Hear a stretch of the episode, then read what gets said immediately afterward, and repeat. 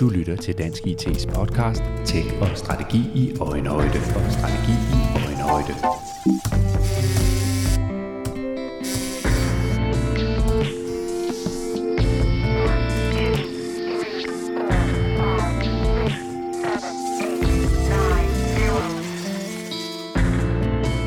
Vi skal have mere diversitet og være bedre til inklusion.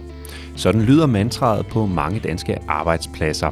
Hverken diversiteten eller inklusionen bliver dog en realitet uden en målrettet og vedholdende indsats i virksomhederne. I denne podcast fra Dansk IT dykker vi derfor ned i, hvad diversitet og inklusion egentlig betyder i praksis. Og vi taler om, hvordan man går fra at have politikker og visioner på området, til rent faktisk at sikre, at man har en rummelig organisation med alt, hvad det indebærer. Min gæst i denne episode er Mette Nør Ganshorn. Hun er selvstændig rådgiver i virksomheden Humanicity. Hun arbejder med diversitet, inklusion og forandringer og er tidligere global chef for diversitet, inklusion og well-being hos Novo Nordisk og Ørsted. Jeg lagde ud med at spørge Mette Nør Ganshorn, hvorfor det egentlig er vigtigt, at danske virksomheder og arbejdspladser interesserer sig for diversitet og inklusion. Jamen, det er det af mange forskellige grunde. Altså, vi kan jo tage sådan den oplagte. Der er jo selvfølgelig den økonomiske grund. Altså, der, det er jo efterhånden bevist adskillige gange, både fra McKinsey-studier, fra World Economic Forum, fra forskellige universiteter, at der er en kæmpe økonomisk gevinst, hvis du har en virksomhed, hvor der er repræsentation af en, en kæmpe diversitet og har en virksomhed, hvor der også er den inklusion, der skal til, for rent faktisk, at den her diversitet kan trives. Så på, og det jo gælder jo bestyrelseslag, det gælder på C-suite, altså på øverste ledelseslag, men det gælder i allerhøjeste grad også nede i organisationen. At det har bare en kæmpe økonomisk gevinst. Og nogen siger 20 procent, og, og, og, og hvordan måler man det? Øh, er det sådan lidt hønen og ægget, at de, de smarte virksomheder, der tjener mange penge, de har råd til at være diverse, eller, eller er det omvendt? Men ikke desto mindre, så viser det sig jo, at, øh, at de følges ad. Så kan man sige, så er der jo også den, den, den kulturelle, ikke? at du, du kan bevise, at du har bedre innovation, du har mere kreativitet, og du træffer bare bedre beslutninger. Der var en, der på et tidspunkt øh, spurgte mig, sådan lidt, øh, tog lidt mod til sig og sagde, hvorfor er det egentlig, at det giver bedre beslutninger, hvis der sidder en homoseksuel rundt om bordet, hvor der træffes beslutninger. Det er jo sådan et, åh ja, altså, er, er de klogere end, end andre mennesker? Øhm, og der glippede jeg jo sådan lidt med øjnene, og, og det er jo ikke, jeg vidste ikke på det tidspunkt, men der er faktisk en, øh, en dokumentation, der siger, at, øh, at øh, drenge homoseksuelle, de har en højere IQ gennemsnitligt end, øh, end mange andre. Det er jo lidt interessant. Det har jeg ikke noget bevis for. Men øh, det handler jo ikke om, at der sidder homoseksuelle rundt om et beslutningsbord. Det handler om, at der sidder mangfoldighed. Det handler om, at hvis du skal diskutere noget, der handler om en bred befolkning, så er du nødt til, at beslutningen også bliver truffet mm. af en bred befolkning. Ikke? Mm. Nu står vi to mennesker inde i et, øh, et podcaststudie her. Øh, du, mm. du er kvinde, jeg er mand. Yep. Har vi så diversitet i studiet? Jamen, vi har jo i hvert fald den åbenlyse diversitet, at vi repræsenterer to forskellige køn. Og der skal jeg måske huske at sige, at øh, udover at jeg hedder Mette, så er mine egne pronomener øh, hun og hende. Jeg identificerer mig som kvinde, øh, og, øh, og derfor øh, er det jo også vigtigt at understrege, for det kan vi jo heller ikke tage for givet længere. Så ja, vi to repræsenterer en, en identitetsmæssig diversitet. Men hvis vi nu er vokset op samme sted, og vi har jo gået i samme klasse, øh, har forældre med nogenlunde samme baggrund, har fulgt sad på øh, uddannelsesvejen, og nu arbejder samme sted, nej, så er vi måske ikke så diverse. Og det handler jo om, at der jo både er den identitetsmæssige diversitet, der handler om repræsentation. Og det er jo der, hvor vi kan tale om køn, alder, Øh, øh, etnicitet, seksualitet, øh, øh, hvad hedder sådan noget, op, øh, opvækst og, og så videre, ikke? hvilket sprog vi taler. Men derudover så er der også en kognitiv diversitet, og det, og det er jo det, det egentlig handler om, det er, hvordan tænker vi, og hvordan agerer vi? Fordi det der outputtet kommer. Nu er jeg selv, øh, øh, udover at stå her bag mikrofonen, så er jeg også chef og, og teamleder.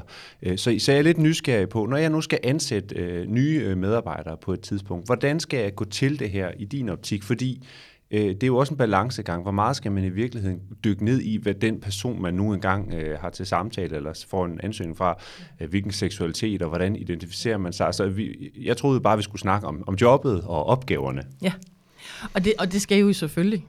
Øh, men hele den der øh, diskussion, der hedder, ja ja, vi går op i diversitet, men vi skal jo ansætte den rigtige kandidat. Det, det er jo sådan et, et udsagn, jeg bliver helt træt, når jeg hører.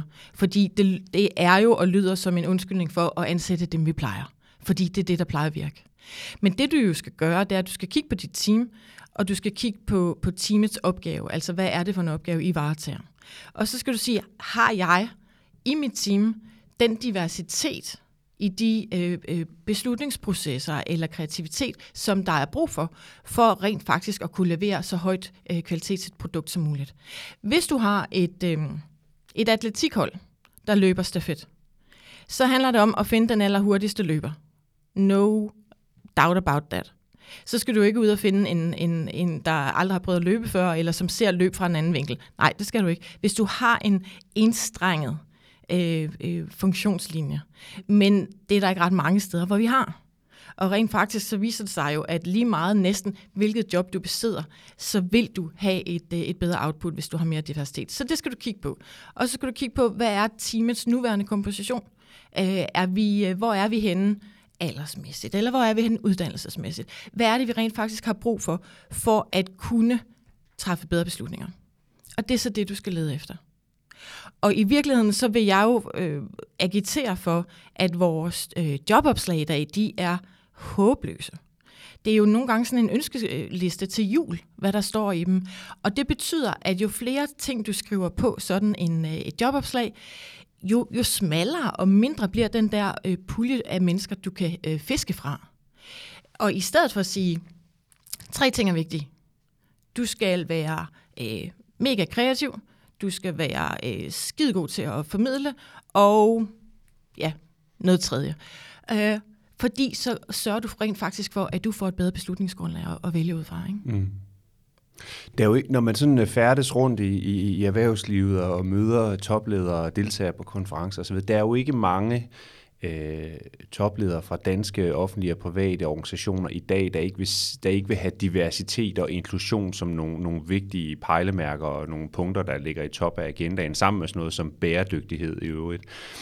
Øh, men, men nu har du jo beskæftiget dig med det her område i en årrække. Så hvordan oplever du, at situationen reelt er, når man kigger rundt på de danske organisationer og arbejdspladser?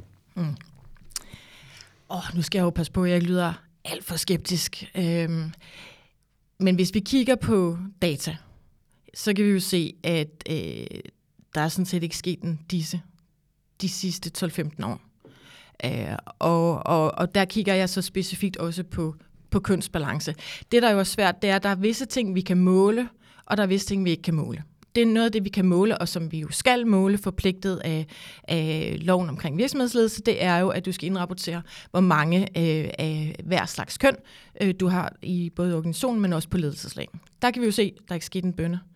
Øh, vi kan se, at, øh, at, at virksomheder har rigtig mange intentioner har rigtig, der er rigtig mange fine, fine strategier, der bliver postet. Der er rigtig mange bestyrelser, øh, der sidder og diskuterer de her ting, og også ønsker det af deres, øh, af deres øh, øh, organisationer.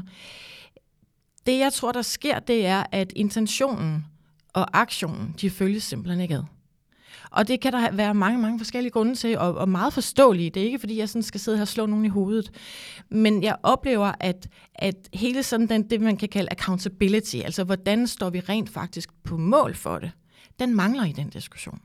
Og så bliver det lidt på sådan, øhm, så hedder det ikke længere, det her det vil vi, så hedder det, det her det stræber vi efter.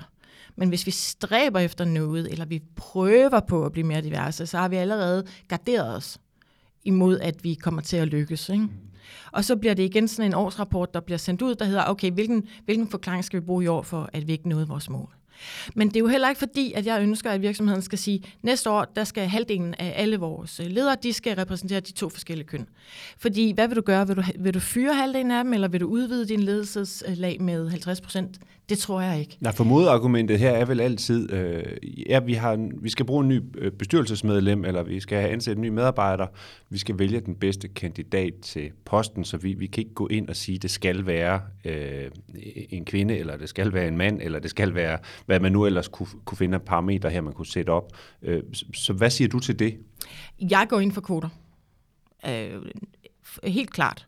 Øh, og det gør jeg, fordi du kan også sige sådan lidt med et glimt i øjet, at de sidste mange år, der har vi jo haft kvoter. Vi har bare haft kvoter med et andet fortegn. Ikke? Det har været sådan, at, at det jo var den hvide middelalderne mand, der blev ansat. Og ikke, altså jeg skal ikke skyde skam over på hvide middelalderne mænd. Jeg er selv jeg, gift jeg, føl, jeg føler mig ikke uh, truffet. jeg er sådan set enig med dig her. Ja. Men det du kan sige, det er, den bedste kandidat, hvad handler det om? Jamen den bedste kandidat er jo den, der gør dit team bedre. Og, og helt logisk, så kan du jo sige, at hvis du har ni blå M&M's siddende rundt om et, øh, et ledelsesspor, jamen bliver teamet bedre, hvis du ansætter en tiende? Det gør det jo ikke. Du får bare mere af det samme. Du får mere enshed. Øh, og rent faktisk kan du våge den posten og sige, at teamet bliver dårligere. Teamets kollektiv intelligens bliver ringere. Men du, det nytter heller ikke noget, at du så tager den stakkels ene gule M&M og sætter rundt. Fordi enten så vil vedkommende blive spist lynhurtigt og, og, og farve sig selv blå. Altså det her med konformitet, jeg har brug for også socialt at passe ind, eller så løber de skrigende væk. Der er sådan et tal inden for, for diversitet og inklusionsforskning, der hedder det magiske nummer 30. Du er nødt til at have 30 procent af noget andet, for rent faktisk at kunne fortynde den majoritet, der ellers ville være i et team. Det vil sige, du har du 10 pladser, skal tre af dem være repræsenteret noget andet. For man kan næsten sådan forestille sig et bord, hvor der er en, der repræsenterer en anden holdning, og diskuterer man så noget, der, der øh, handler om det, så kan du lige sådan ubevidst øh, se folk dreje hovedet og sige, ja, det må jo så være dit bord. Det er hus forbi hos mig, det må være dig, der, der fokuserer på det. Sådan fungerer det ikke i praksis. Så du er nødt til at have den der fortynding, for rent faktisk at få den, øh, den rigtige diversitet. Men hvor, hvor tror du så, at, at det er, kæden hopper af i forhold til, at vi, vi har nogle hensigter og nogle intentioner, øh, der handler om at sikre øh, en større grad af diversitet, og vi vil gerne være inkluderende som arbejdspladser. Det, det vil de fleste sige ja til, hvis du spørger dem. Og, og, og du beskriver så den, den, den faktiske øh, verden derude, at, at der er vi ikke endnu, og, og måske øh, bevæger det sig slet ikke øh, i den retning, som det bør. Så hvad er det, der går galt her? Altså ja. i processen med, at man så skal finde nogle nye til bestyrelsen, eller finde nogle nye medarbejdere. Der, altså i det hele taget, når man rekrutterer, hvor er det, den, den går galt? Mm-hmm. Jeg tror, den, jeg tror, den går galt på inklusionsdelen. Fordi du må aldrig tale kun om diversitet. Diversitet er egentlig det positive biprodukt af en inklusion, en vellykket inklusion. Fordi hvis du, altså den stakkels, øh, og du kan jo slet ikke kalde en person divers, fordi en person er aldrig divers. Øh, og, vi er jo alle sammen enten en minoritet eller en majoritet i forskellige sammenhænge. Det er jo også lidt interessant at, øh, at, at, at følge som hypotese. Men det, der jo sker, det er, at hvis du, øh, øh, hvis du kun fokuserer på, hvad der er, og ikke hvad der skal være, jamen så kommer du til at, øh, at fylde op med, øh, med homogenitet. Men inklusion handler jo om, hvordan, hvordan sammensætter du, eller skaber de rammer, hvor alle, lige meget hvem de er, kan trives. Ikke? Og hvis du, hvis du skaber de rammer, jamen så kommer diversiteten faktisk af sig selv. Fordi der er ingen, der har lyst til at arbejde et sted, hvorfor de skiller til dig og tænker, hvorfor, hvorfor har vi nu ansat sådan en? Eller endda stiller det der spørgsmål, der hedder, når er du vores diverse øh, rekruttering? Eller du fik nok kun jobbet, fordi du ikke øh, har en hudfarve, der ligner vores andres. Ikke? Det er der ikke nogen, der trives særlig godt med. Det skaber ikke inklusion. Så hvis du har et team, der har diversitet, men hvor det ikke er fedt at være, så er det faktisk den, det, det aller dårligste sted. Det, der jo så er risikoen, det er, at du så har en virksomhed, der siger, vi har prøvet det, det virkede ikke. Så vi gør, som vi plejer. Og pointen er, at, at man er nødt til at fokusere på, hvad er det for en virksomhed, vi har, og hvordan får vi den gjort inkluderende, for at vi rent faktisk kan lykkes med diversiteten. Jeg tror, jeg forstår diversitet, på, det, kan, det kan ses på mange øh, øh, måder, og man kan lægge mange ting i det begreb, men, men en af de ting, som er meget synlige, det er jo måden, folk ser ud på, og sådan ligesom opfører sig på udad til. Øh, så, så hvis vi nu antager, at vi har en, en virksomhed, hvor der ligesom er en bestemt måde, man går klædt på, en bestemt måde, man, man, man er på, sådan udad til, er man så nødt til ligesom at bryde den ned sådan helt lavpraktisk som virksomhed at sige, hos os er der ikke noget, der hedder en dresscode. Du kan komme i, hvad du vil. Du kan se ud, som du vil. Du kan have øh, tatoveringer i panden ja. og lyserødt hår og hvad du vil. Ja. Øh, der er ikke noget, der hedder dresscode, lige jakkesæt eller hvad det nu kunne være. Ja. Det har Mærsk jo faktisk mm. introduceret her sidste år, ikke? og øh, særligt, at det var okay at gå i shorts øh, for, for alle, når det nu var varmt udenfor. Og øh, jeg har faktisk ikke fulgt, hvordan det, hvordan, hvordan det står til med det. Det jeg bare ved, det er, at det er rigtig, rigtig fint. Det kræver bare én ting. Det er, at dem du kigger på opad, de også gør det. Og hele det der rollemodelsbegreb, det er super vigtigt i den sammenhæng. Øh, fordi vi gør som vi øh, kan se, der er succes ved. Mm. Ikke?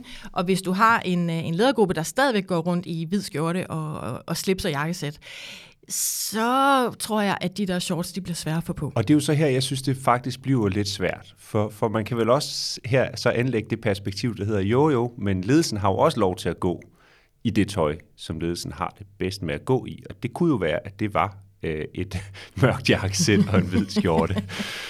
Det kunne det sagtens være, fordi det er jo også det, de har været opdraget til, mm. og det er det, som, sådan har vi jo set ud i mange, mange hundrede år. Så ja, øh, by all means. Men så skal det godt nok være meget tydeligt, at, øh, at det er det, de har det mest mm. komfortabelt med. Og det skal jo øh, på en eller anden måde også honoreres, når du så faktisk ser folk have den adfærd, som du ønsker. Så er du nødt til at, at virkelig øh, udstille det som det positive eksempel. Ikke? Og det er jo det, der ofte sker med den her fejlkultur. At øh, vi ser, jo mange virksomheder, som siger, det er helt okay at lave fejl, vi skal bare lave fejl, fail fast og, og alt muligt. Men UV, den der gør det først. Ikke? Og hvis du ikke har ledelsen, der går foran der, og viser, det er faktisk noget, vi mener, det her det er okay at gøre, så kommer det ikke til at, at, at dryse ned i, i kulturen. Det bliver mm. meget, meget Så man har et, et særligt ansvar som, som ledelse, har en særlig rolle i forhold til at være med til at skubbe på en, på en udvikling. Jeg har et sjovt eksempel. Nu sagde du dresscode med øh, en, en, øh, en virksomhed, som jeg har arbejdet med, som har haft sådan lidt et, øh, altså mange, mange lyseblå skjorter. Og deres øh, produkter har været lyseblå skjorte-agtige, og øh, deres kunder har været det samme. Og de opdager nu, at, at de rent faktisk er nødt til at ændre. De er nødt til at ændre virksomhedens karakter og også kultur, for at kunne matche deres kunder, for at kunne matche markedet, fordi det simpelthen stiller nogle andre forventninger. Og det, der er så skægt, det er at, at gå ned ad gangen i den her virksomhed, fordi så ser du jo stadigvæk fordi det handler jo ikke om, at vi hælder folk ud. Men du ser så stadigvæk jakkesættene og, det, og den lyseblå skjorte. Men herover øh, eller den lyseblå skjorte, står og drikker kaffe med sådan en hipster gut med tatoveringer langt op og ned af armene og helt op i nakken, og shorts på og udtrådte øh, tennisko. Ikke? Og, og, og det synes jeg er fedt. Når de to ting, de kan følges ad, og de rent faktisk kan berige hinanden. Fordi det kan de jo. Altså, ja, og at der ikke bliver set skævt, hverken fra den ene til den, til den anden eller den anden vej rundt. Ja, ja. ja. Øh, øh, I lytter øh, fortsat til Dansk IT's øh, podcast Tech og Strategi i Øjenhøjde. Vi har besøg af Mette Nør Ganshorn, der er selvstændig rådgiver øh, og inden for øh, øh, diversitet, inklusion og forandringer, og du har jo blandt andet tidligere været ansat også i øh, Novo Nordisk og Ørsted, så du har en masse erfaringer på det her område, og jeg ved med det, at du har også et begreb, som du synes, det er vigtigt, vi, vi inddrager i den her diskussion, nemlig begrebet psykologisk tryghed. Mm. Hvad handler det om, og hvorfor er det vigtigt? Yep. Jamen, psykologstrykket, det er ved at blive sådan meget op i tiden, og, og desværre også lidt et buzzword, øh, hvilket er en skam, fordi det er et begreb, der har eksisteret rigtig længe. Øh, det, der er vigtigt for mig, det er, at, øh, eller for, for branchen i det hele taget, det er, at psykologstrykket er faktisk fundamentalt for, at du overhovedet kan begynde at arbejde med diversitet og inklusion. Og, og når man siger psykologisk tryghed, så så kan det næsten lyde som sådan noget, ah, at vi sidder nogle, nogle psykoer og, og fletter hinandens hår og af og kind, og du må ikke sige noget, øh, der er, der er grimt til hinanden. Det handler det slet ikke om. Psykologisk tryghed er sådan set en benhård performance- og læringsbegreb. Øh, øh, øh, og øh, tilbage til øh, 70'erne øh, i, øh, i USA, der er der den her øh, professor, der hedder Amy Edmondson, som egentlig er, er skaberen af begrebet. Og, øh, og hun finder ud af, at, øh, at hun har en hypotese, hun laver en phd afhandling og øh, har en hypotese om, at øh, de hospitals øh, afdelinger, der øh, indrapporterer flest fejl, kontra de hospitalsafdelinger, der ikke øh, rapporterer så mange fejl, der vil hun forsøge at lave et studie, der hedder, hvor er det bedst at være? Altså, hvor har du størst chance for at blive rask? Hvor er det bedste øh, læringsmiljø? Og stik imod alle hendes hypoteser, viser det sig, at det sted, der indrapporterer flest fejl, det er også det sted, der har størst helbredelsesstatistik, der har det bedste arbejdsmiljø, der har den bedste øh, øh, læring og har øh, øh bedst chancer for at, at tiltrække nye øh, medarbejdere. Og hvorfor nu det? Fordi man kan sige, ah, vil jeg ikke helst indlægges der, hvor der ikke bliver lavet fejl? Jamen, det handler ikke om, at der ikke bliver lavet fejl. Det handler om, bliver der indrapporteret fejl? Og, og hele, hele det skisme omkring fejl sætter egentlig gang i det her begreb, fordi hvis du har psykologisk tryghed, så har du et miljø, hvor du ikke er bange for de negative konsekvenser af at øh, øh, udtrykke din tvivl.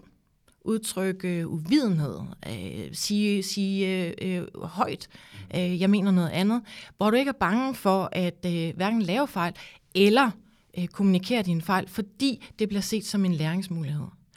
Og hvis du har sådan et miljø, hvor, hvor det øh, er kendetegnet, så har du rige muligheder for både at, at have bedre produkter, men også at kunne drive inklusion. Ikke? Mm. Og, så, og så er vi jo lidt tilbage til igen, øh, hvis vi gerne vil have det, og hvis det er en rigtig god idé at skabe øh, psykologisk tryghed i en organisation, hvordan, altså, hvordan gør man så det? Hvordan opnår man det i praksis? Mm, ja er lidt spørgsmål, fordi det er jo lige præcis skabet mellem intention og aktion og resultat. Jamen en måde, som øh, det her, det er en, øh, en, indi, en, øh, nej, sludvold, en amerikansk øh, kirurg og forfatter, øh, som øh, øh, har opdaget, at på visse øh, operationsstuer i, på amerikanske hospitaler, der er der øh, eksempler på øh, kæmpe forskelle i øh, dødelighed. Altså hvor markant, og det er jo noget, der, der klinger i kassen, når man nu er i en forsikringsbranche, for eksempel i, øh, i USA. Det han opdagede, det var, at på de operationsstuer, der startede de dagens operation med at give hinanden hånd. Så jeg går hen til dig og siger, øh, godmorgen, øh, dr. Din Dundan, jeg er Mette, og jeg er kirurg i dag. Blot det at have præsenteret sig for hinanden, kigget hinanden i øjnene og, øh, og anerkendt, så at sige, hinandens øh, væren, gjorde, at øh, det ikke er så svært for dig for eksempel at sige, øh, undskyld her, eller fru doktor, jeg er bange for, at de har glemt en saks i patienten. Det er ikke farligt at sige, fordi vi har nedbrudt de der grænser for, at det her det er noget, vi er sammen om. Og derfor kan vi også være rygende uenige, og vi kan være øh, i konflikt, og vi kan øh, lave fejl, og vi kan påpege fejl, fordi vi alle sammen har det fokus, der hedder, vi vil lære, og vi vil blive bedre. Og derfor øh, er det vigtigt. Hvordan, hvordan skal en virksomhed få øje på, hvilke udfordringer den har for eksempel med øh, inklusion, hvis folk de ikke tør sige noget?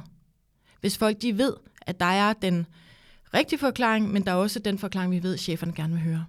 Og derfor skal en virksomhedsledelse jo aldrig gå ud og kommunikere, dette er vores kultur.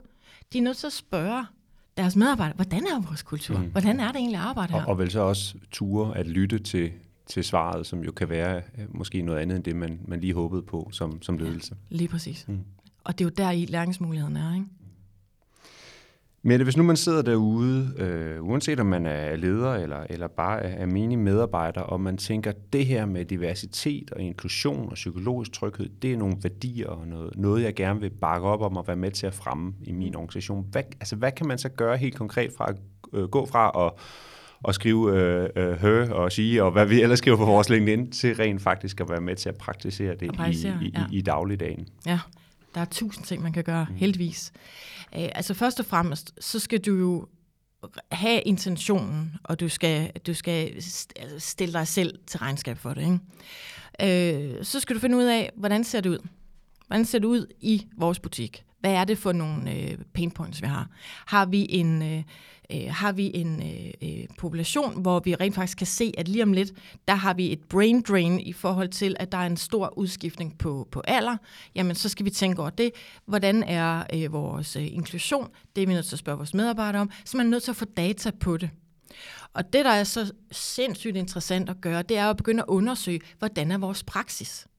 For eksempel, øh, jeg taler tit med, øh, med virksomhedsledere om, om de her ting, og, og bliver bedt om at hjælpe med sådan at, ikke diagnostisere, men ligesom analysere, hvordan, hvordan agerer vi i vores øh, organisation. Så siger man, hvilke ledelsesværdier har I?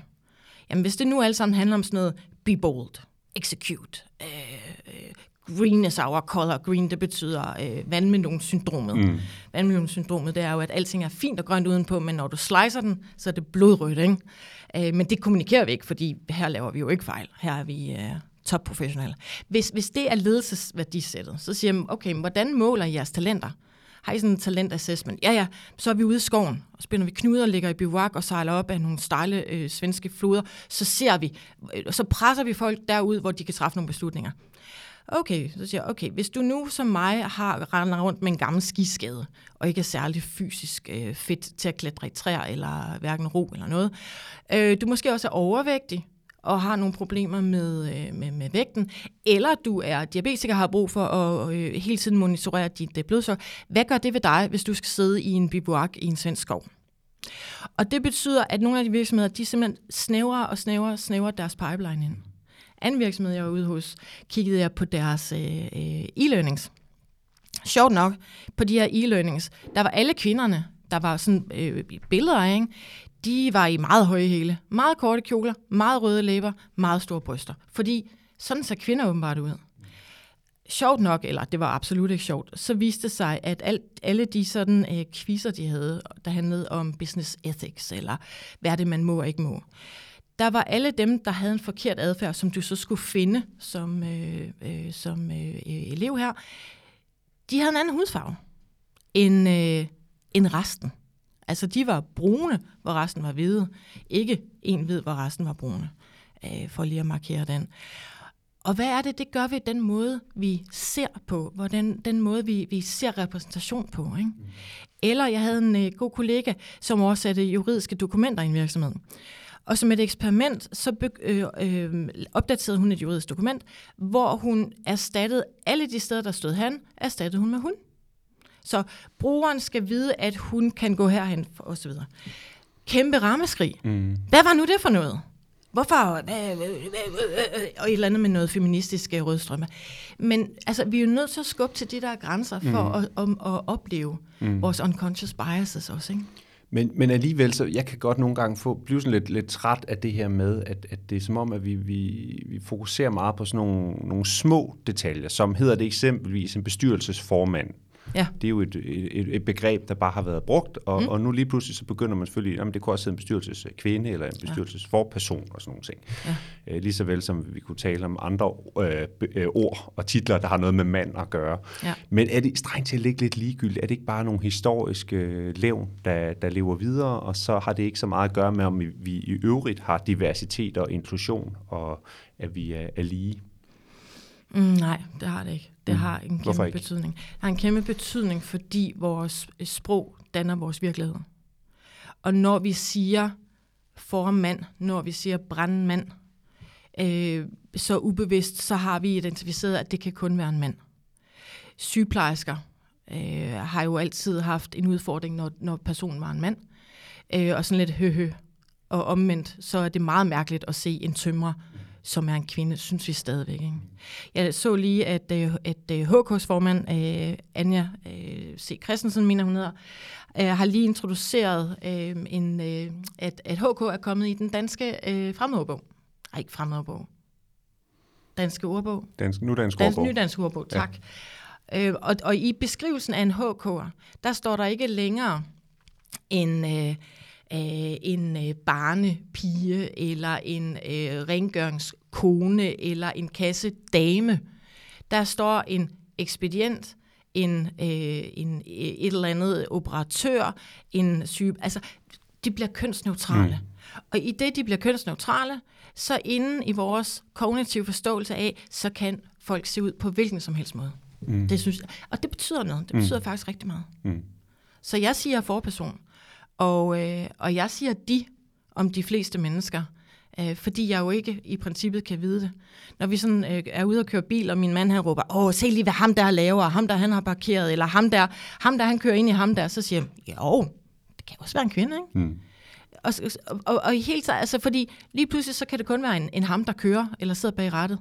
Og, og vi skal ikke være blege for, nu har vi også Pius-diskussionen, ikke? Jo. Vi skal ikke være blege for, at vores kommende generationer, de kigger, de, de lytter til, hvad vi siger, og de kigger på, hvad vi gør. Ikke? Ja, så, så du, du mener ikke, at det er, kan man sige, ligegyldige diskussioner, hvor det bliver lidt for øh, politisk korrekt og poleret det hele? Nej, og jeg ved jo godt, at, at den bliver jo skinger, den her samtale. Mm. Ikke? Fordi så hører jeg også der siger, nå kan man så slet ikke bestille nogen is længere, uden at være bange for at krænke nogen. Og, og uh, ikke? så kan man også blive lidt træt. Vi, jeg tror bare, at når vi, når vi er i en brydningstid, som vi er nu, så trækker vi nogle gange diskussionerne helt ud i, i spidserne, for at, at også kunne opdage, mm. um, hvad er det for nogle øh, kanter, vi har Og det gør ikke noget. Det gør ikke noget, at vi tager en ilter diskussion om, må man kalde en is for en eskimo-is eller ej. Så længe du er nysgerrig, oprigtigt nysgerrig efter at forstå, hvorfor kan vi ikke gøre det? Og, og da, altså, jeg er jo selv øh, lykkeligt bestilt øh, Eskimois. Men da jeg opdagede, hvad det egentlig handlede om, og hvad ordet betyder, mm. Mm. og hvad det gør ved de mennesker, mm. så var jeg da fuldstændig med på, at selvfølgelig skal, skal en is ikke hedde det. Hvorfor i alverden skulle jeg det? Og der er jeg da øh, så rummelig, så jeg tænker, jeg kan sagtens ændre et ord. Det gør ikke noget. Det kan jeg godt lære. Jeg kan godt lære at sige de i stedet for ham. Nu er lytterne af denne øh, podcast Tech og Strategi i øjenhøjde fra Dansk IT. Det er jo folk, der arbejder professionelt med IT og digitalisering, og det er IT-virksomhederne, det er alle de store øh, offentlige organisationer, der har digitalisering som, som, som øh, en omdrejningspunkt for deres virke.